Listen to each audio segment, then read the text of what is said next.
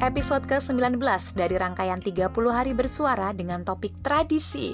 Kali ini kita mau ngomongin soal tradisi kondangan. Akan ada obrolan sama temenku yang sekarang lagi di US. Kita mau cari tahu nih, kira-kira di Amerika ada nggak sih tradisi kondangan kayak di Indonesia? Langsung aja kita dengerin ceritanya. Kamu masih ada di podcast Mudarsah karena keresahan perlu disuarakan.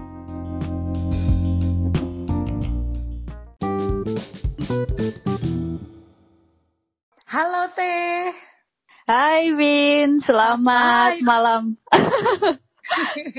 Pagi di sini. Ibu, pagi hari di sana Bu. Ya. Iya. Eh kamu di mana sih sekarang? Kayaknya waktu Um, itu sempat pindah-pindah. Iya, em, dari Houston ke Milwaukee, sekarang di Wisconsin. Oh, oke oke. Eh, kamu WFH ya? Enggak. Soalnya waktu Jadi- kemarin kan kamu bilang aku tanya weekdays free terus lah. Ini anak. Enggak, Kan eh, pas di Houston itu em, aku kerja di rumah sakit, jadi em, harus em, ke rumah sakit ya eh, jam kerja. Terus eh, pas pindah ke Wisconsin, eh, rumah sakitnya maksudnya nggak ada cabang di sini, jadi eh, sekarang masih em, cari kerja, jadi masih pengangguran. jadi oh, makanya jadi resign. Iya, benar resign. Em, karena sebenarnya bisa transfer, cuman karena nggak ada rumah sakit yang sama di sini, jadi nggak bisa transfer. Oke. Jadi harus memang harus resign gitu. Tapi studi masih kan? Kayaknya kemarin yang studi itu karena program dari rumah sakit bukan? Ya benar. Dan em, jadi untuk em, studinya itu em, jeda dulu em, sampai nanti em, ketemu tempat kerja yang baru, terus mereka nawarin uh, tuition reimbursement, terus baru lanjutin kuliah lagi. Dan nanti harus transfer kredit karena kan yang kemarin di Houston, sekarang Hmm. di Milwaukee em, harus cari em, apa community college di sini atau kalau mau ke university juga bisa. Oke, jadi sementara ini masih em, full time ibu rumah tangga begitu ibu? Betul. Karena mungkin kamu sekarang udah tinggalnya nggak di Indonesia gitu ya. Iya. Jadi aku pikir kamu punya beberapa pengalaman dengan tradisi berbeda. Dan khususnya aku mau angkat soal dunia perkondanganan. Karena sekarang ya di Indonesia tuh di bulan-bulan yang aduh undangan kondangan tuh bejibun gitu. Musim-musim orang-orang berhajat gitu ya. berhajat. Jadi musim-musim bulan baik katanya kalau di Indonesia kan. Aduh. Dan aku kemarin punya dapat banyak undangan gitu ya. Mulai dari temen deket, adik tingkat, temen jauh, temen yang gak akrab. Kayaknya ngundang semua. Jadi aku akhirnya kayaknya nggak pengen dateng gitu. Hmm.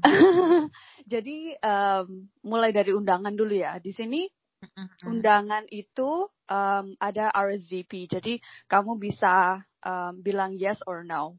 Jadi kamu Iya. ada opsi kamu nggak bisa nggak bisa berangkat gitu. And, dan mereka nggak akan em, istilahnya tersinggung ya kalau kamu nggak bisa datang gitu loh. Jadi em, dan untuk undangan sendiri itu biasanya eh, sedikit paling 100 undangan, nggak nggak kayak di Hmm. em, Indonesia. Iya. yang yang diundang juga teman-teman dari bapak ibu atau saudara-saudara jauh dan tetangga sekampung harus wajib diundang karena nggak enak. Iya, Um, iya, iya. Kalau di sini kan memang biayanya mahal ya, jadi untuk misalkan em, catering dari semuanya deh itu 10 kali lipat lebih mahal daripada di Indonesia. Mhm, mhm. Kenapa aku bilang Mhm. gitu? Karena pengalaman. Hmm.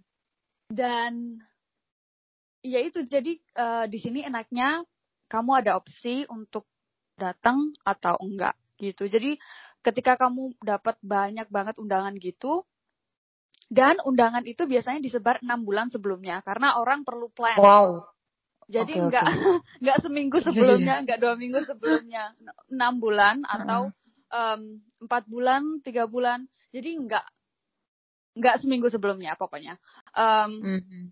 dan di sini itu em, kalau mau ngomongin soal dana ya, jadi kalau datang ke um, wedding itu uh, kita biasanya nggak nggak perlu bawa kado atau bawa uh, uang donasi um, secara hmm. fisik ya, itu bisa um, kita kasih online. Mereka si uh, grooms and bride uh, pengantin ini mereka punya uh, wedding registry namanya. Jadi kayak semacam um, di sini website mm -hmm. yang paling terkenal itu The Knot uh, t h e k n o t dot com itu um, mm.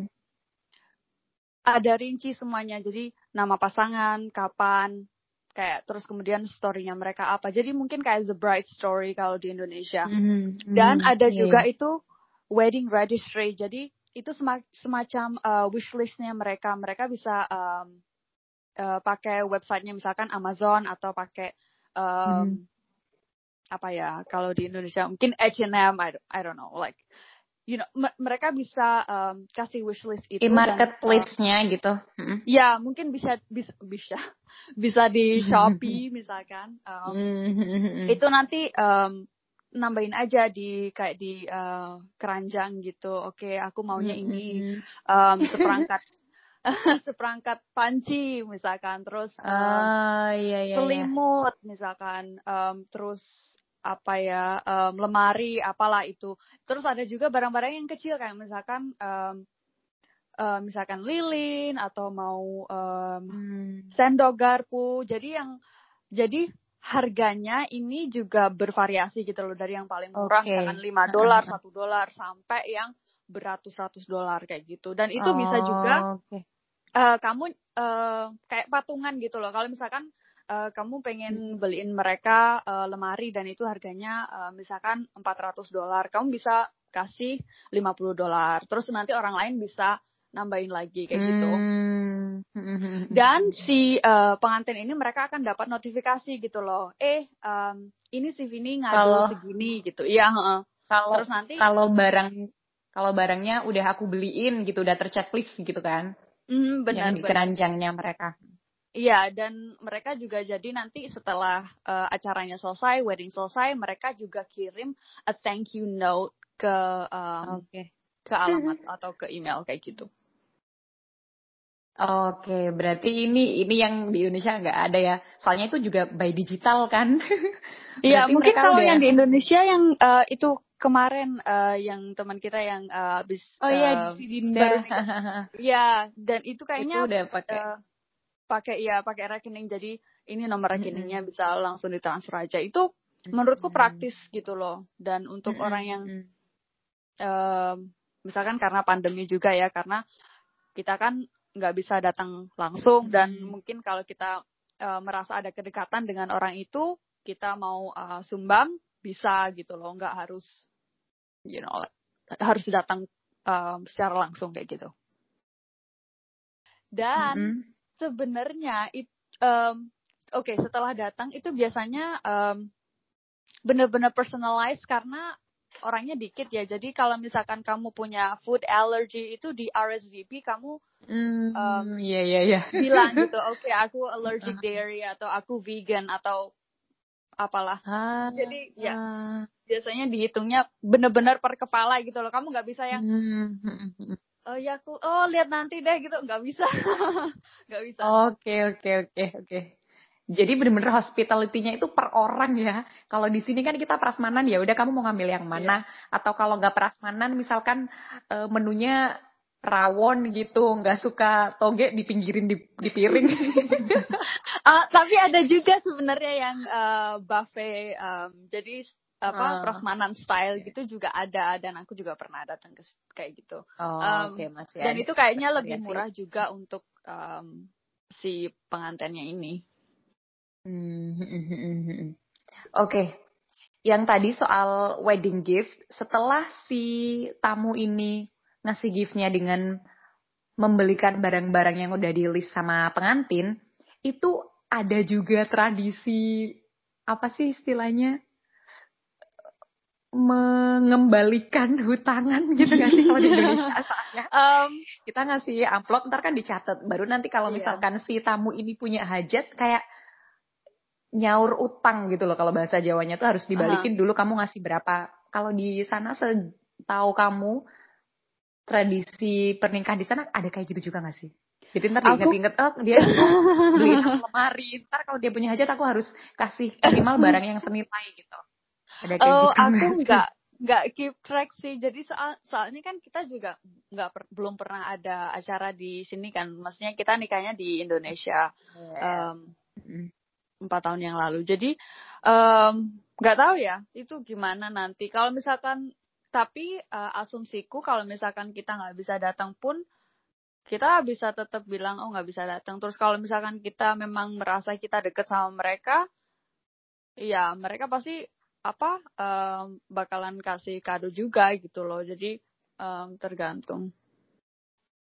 Oke, Hmm. jadi eh, ada satu ketika kita em, ada di em, di weddingnya di situ. Jadi dalam artian jadi Jonas ini kan deket sama si eh, pengantinnya pengantin laki-laki. Jadi dia diundang jadi eh, groomsman.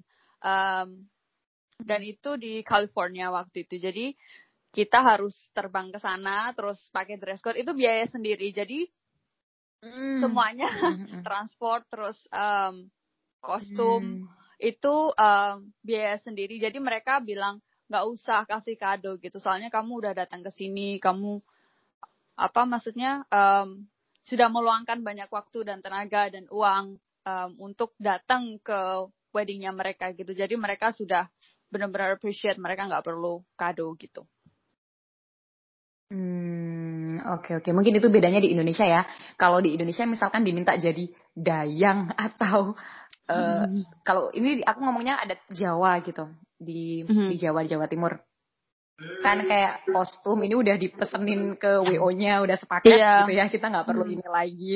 Mungkin bedanya Iya. di situ. Kalau di sana mandiri ya cuma dapat undangan untuk eh, jadi bridesmaid atau groomsman-nya itu mandiri, tapi kamu nggak Mhm. harus kasih kado. Kalau di sini kan tetap kasih kado dengan amplop, cuman Hmm. untuk semua peritilan pendamping pengantin udah dihandle sama tuan rumah gitu. Benar. Dan aku maksudnya cuma lihat aja sih di Instagram story kayak gitu-gitu terus um, ada istilahnya kayak will you be my uh, bridesmaid terus dikasih kain gitu. Iya, oh iya. wow. Oh Kalau iya, di iya. sini itu cuma dikasih oke gambarnya ini.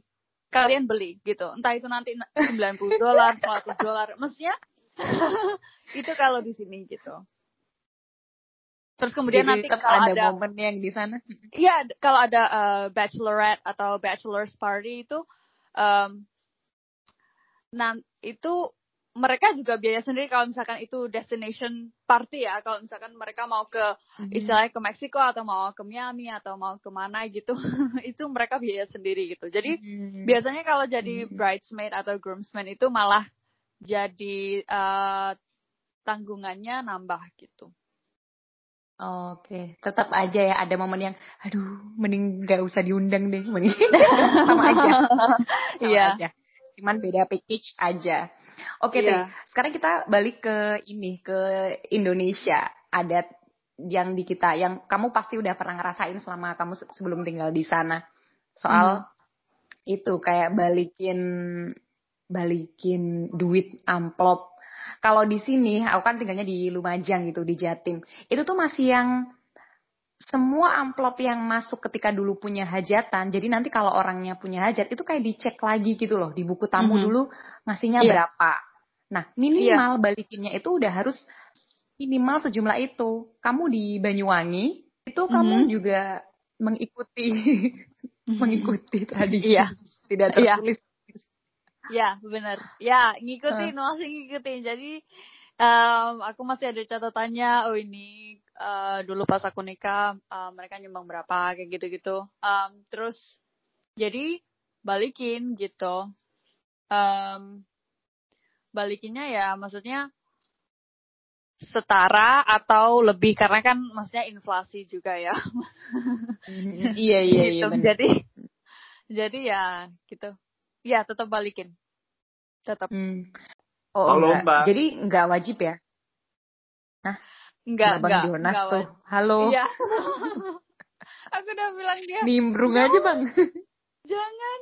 aku tuh kan sempet tanya ke ibuku waktu aku punya dapat banyak undangan terus aduh malas mau datang aduh malas mau datang itu gue sempet uh, ibuku tuh bilang loh ini kan invest maksudnya nanti kalau aku nikah gitu kan kayak semuanya pasti balik uh, balik modal gitu lah ba apa balik mm -hmm. ini balik banyak orang jadi kayak yeah. memunculkan perdebatan kecil gitu loh sama orang tua kayak ya udah kalau nggak pengen ribet ini nggak usah ngundang banyak orang. Terus kayak ibu loh ya nggak bisa harus ngundang banyak orang. Kan dulu kita kamu atau ibu udah ngasih bar amplop ke mana-mana gitu. Terus aku sempat tanya ini kenapa sih bu harus ada tradisi kayak gini? Kenapa harus ada uh, persepsi kayak gini kalau balikin kondangan tuh harus dibalikin Nah, kalau dari persepsinya ibuku ya nggak tahu mungkin karena dari orang zaman dulu juga. Soalnya kita e, kalau orang desa itu kan kadang nggak bisa menuhin biaya hajatan. Jadi istilahnya kayak disumbang bareng. Oh kamu punya hajat sekarang, ayo kita bantu sumbang buat kamu hajatan. Terus kalau nanti kamu punya hajatan kita juga jadi kayak mungkin karena kita secara society-nya itu kolektif society gitu ya, apa-apa rombongan, hmm. apa-apa dikerjakan bersama. Jadi kayak asumsiku berawalnya dari hmm. sana sih sampai ada tradisi kondangan yang pernah dengar gak Steven kalau mereka tuh orang yang kondangan ini mereka um, kayak nyicil gitu loh. Jadi selesai kondangan pun itu belum tentu lunas gitu. Pernah dengar nggak? Un biaya pernikahan maksudnya? Mm -hmm. ya. Yeah. mungkin mungkin ya bisa jadi. Aku nggak tahu sih dulu pas kakak-kakakku nikah aku kan masih kecil jadi nggak ngerti problematika yeah. keuangan pernikahan. Kayaknya yeah. kayaknya iya sih, kayaknya iya sih. Aku dengar dari beberapa temen juga kayaknya masih habis selesai kondangan tuh masih yang mungkin pelaminannya belum ini. Kalau aku mikirnya ya udah kalau budgetnya nggak ada nggak usah yang bikin gede gitu kan, nggak tahu Benar. kalau aku benar sih, kalau sih ya udah karena aku juga nggak pengen ribet gitu kan, ya udah ngundang yeah. temen yang kenal aja atau yang saudara yang keluarga besar keluarga besar yang inti aja nggak usah yang ke mana-mana. Makanya aku tuh selalu heran kalau aku dapat undangan. Terus kadang aku malah nggak tahu tuh orangnya yang mana. Dapat undangan ini dikasih temen ini anaknya yang mana ya? Adik hmm. kelas gitu ini orangnya yang mana? Ngapain sih aku diundang? Soalnya aku kalau nikah aku nggak kepikiran ngundang dia jadi aku sering heran hmm. gitu. Why? Iya. Jadi mungkin itu salah jawaban. satu ya, salah satu jalan ninja mereka untuk balik modal Oh. Iya iya no, iya. Um, iya tapi ya, itu mas. Jadi uh, tahun lalu itu um, adiknya Jonas kan nikah. Um, itu dia cuman mereka berdua pergi ke kayak catatan sipil gitu. Terus habis itu malamnya uh, sorenya itu um, seremoni itu di uh, taman belakang rumah dan itu cuman ada 10 orang dan hmm. udah selesai. Mereka nggak ada pesta-pesta. Eh, dan selesai mereka menikah dan mereka bahagia gitu loh. Iya iya iya. Gak usah ribet mikirin masih ada cicilan vendor ini itu gitu kan? Benar.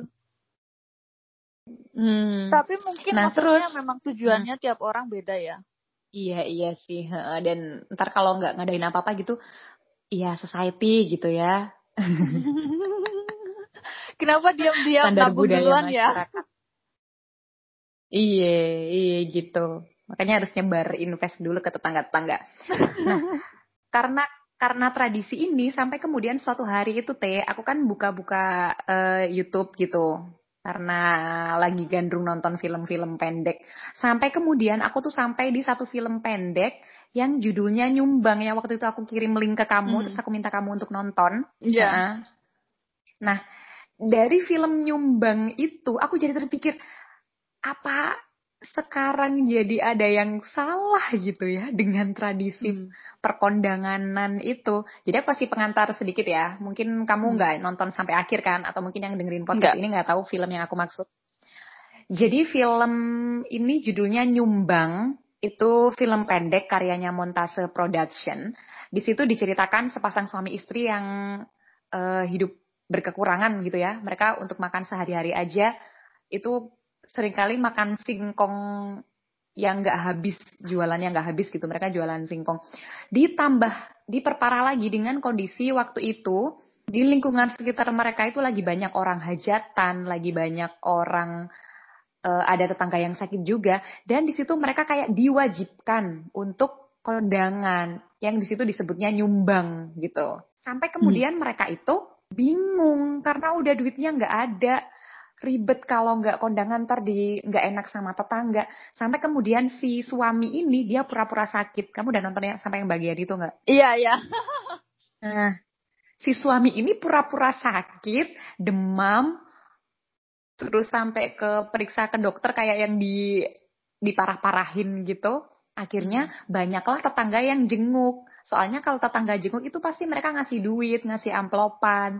Nah amplopan hmm. itu sebenarnya mereka bukan untuk kebutuhan makan mereka sendiri tapi untuk kekondangan. Kan jadi ironi gitu loh. Iya. harusnya orang orang ada tetangga punya hajatan kan harusnya kamu kecipratan rezekinya gitu, dapat makanan hmm. atau dapat ini.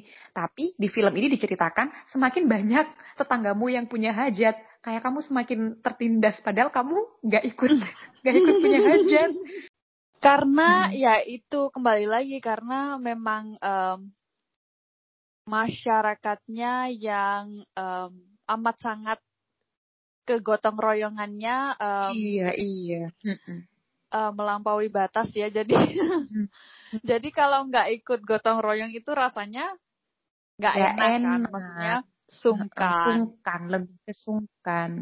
Padahal sebenarnya maksudnya ada opsi, misalkan kamu kalau misalkan misalkan aku jadi Vini, aku bisa bilang nggak bisa, aku nggak bisa soalnya ada tugas. Maksudnya mm-hmm. ya, kerja karena kerja gitu loh, karena yeah, iya. hidupku nggak yeah. untuk datang ke kondangan ya, setiap hari gitu. Bener.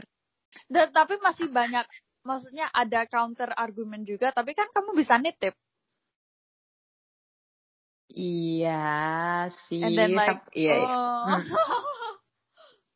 Tapi aku akhirnya, ya maksudnya aku ingin aku diundang dan aku bahagia. Aku nggak mau dong diundang, tapi aku kayak, aduh, ngapain diundang? Terus ada maksudnya nominal nyumbang ini bukan seikhlasnya juga kalau misalkan kita yang pertama diundang. Maksudnya bukan dalam rangka mengembalikan sumbangan uh, ini. Uh. Jadi kayak semacam ada uh, nominal minimal tidak tertulis. Ya, standar yang kita uh, standar itu. Ya. Uh, dan ini kemarin aku tuh iseng kan, aku tuh iseng bikin di status, apakah teman-temanku juga merasakan hal yang sama? Maksudnya apa, apa aku jahat banget gitu karena ngerasa kayak gini. Akhirnya aku kemarin tuh iseng teh bikin bikin survei singkat gitu di status. E, apa kalian mengikuti mengikuti tradisi kalau kondangan harus dicatat buat nanti? 90% anak-anak muda yang ngerespon itu mereka sama ternyata kayak aku. Mereka nggak pernah nyatet mereka kondangan ke siapa aja dan mereka nggak peduli uh, mereka nyumbang berapa dan juga nggak terlalu berharap nanti dibalikin gitu. Hmm. Ternyata sama aja. Tapi bagus sih maksudnya ini mengarah ke arah yang um, apa ya?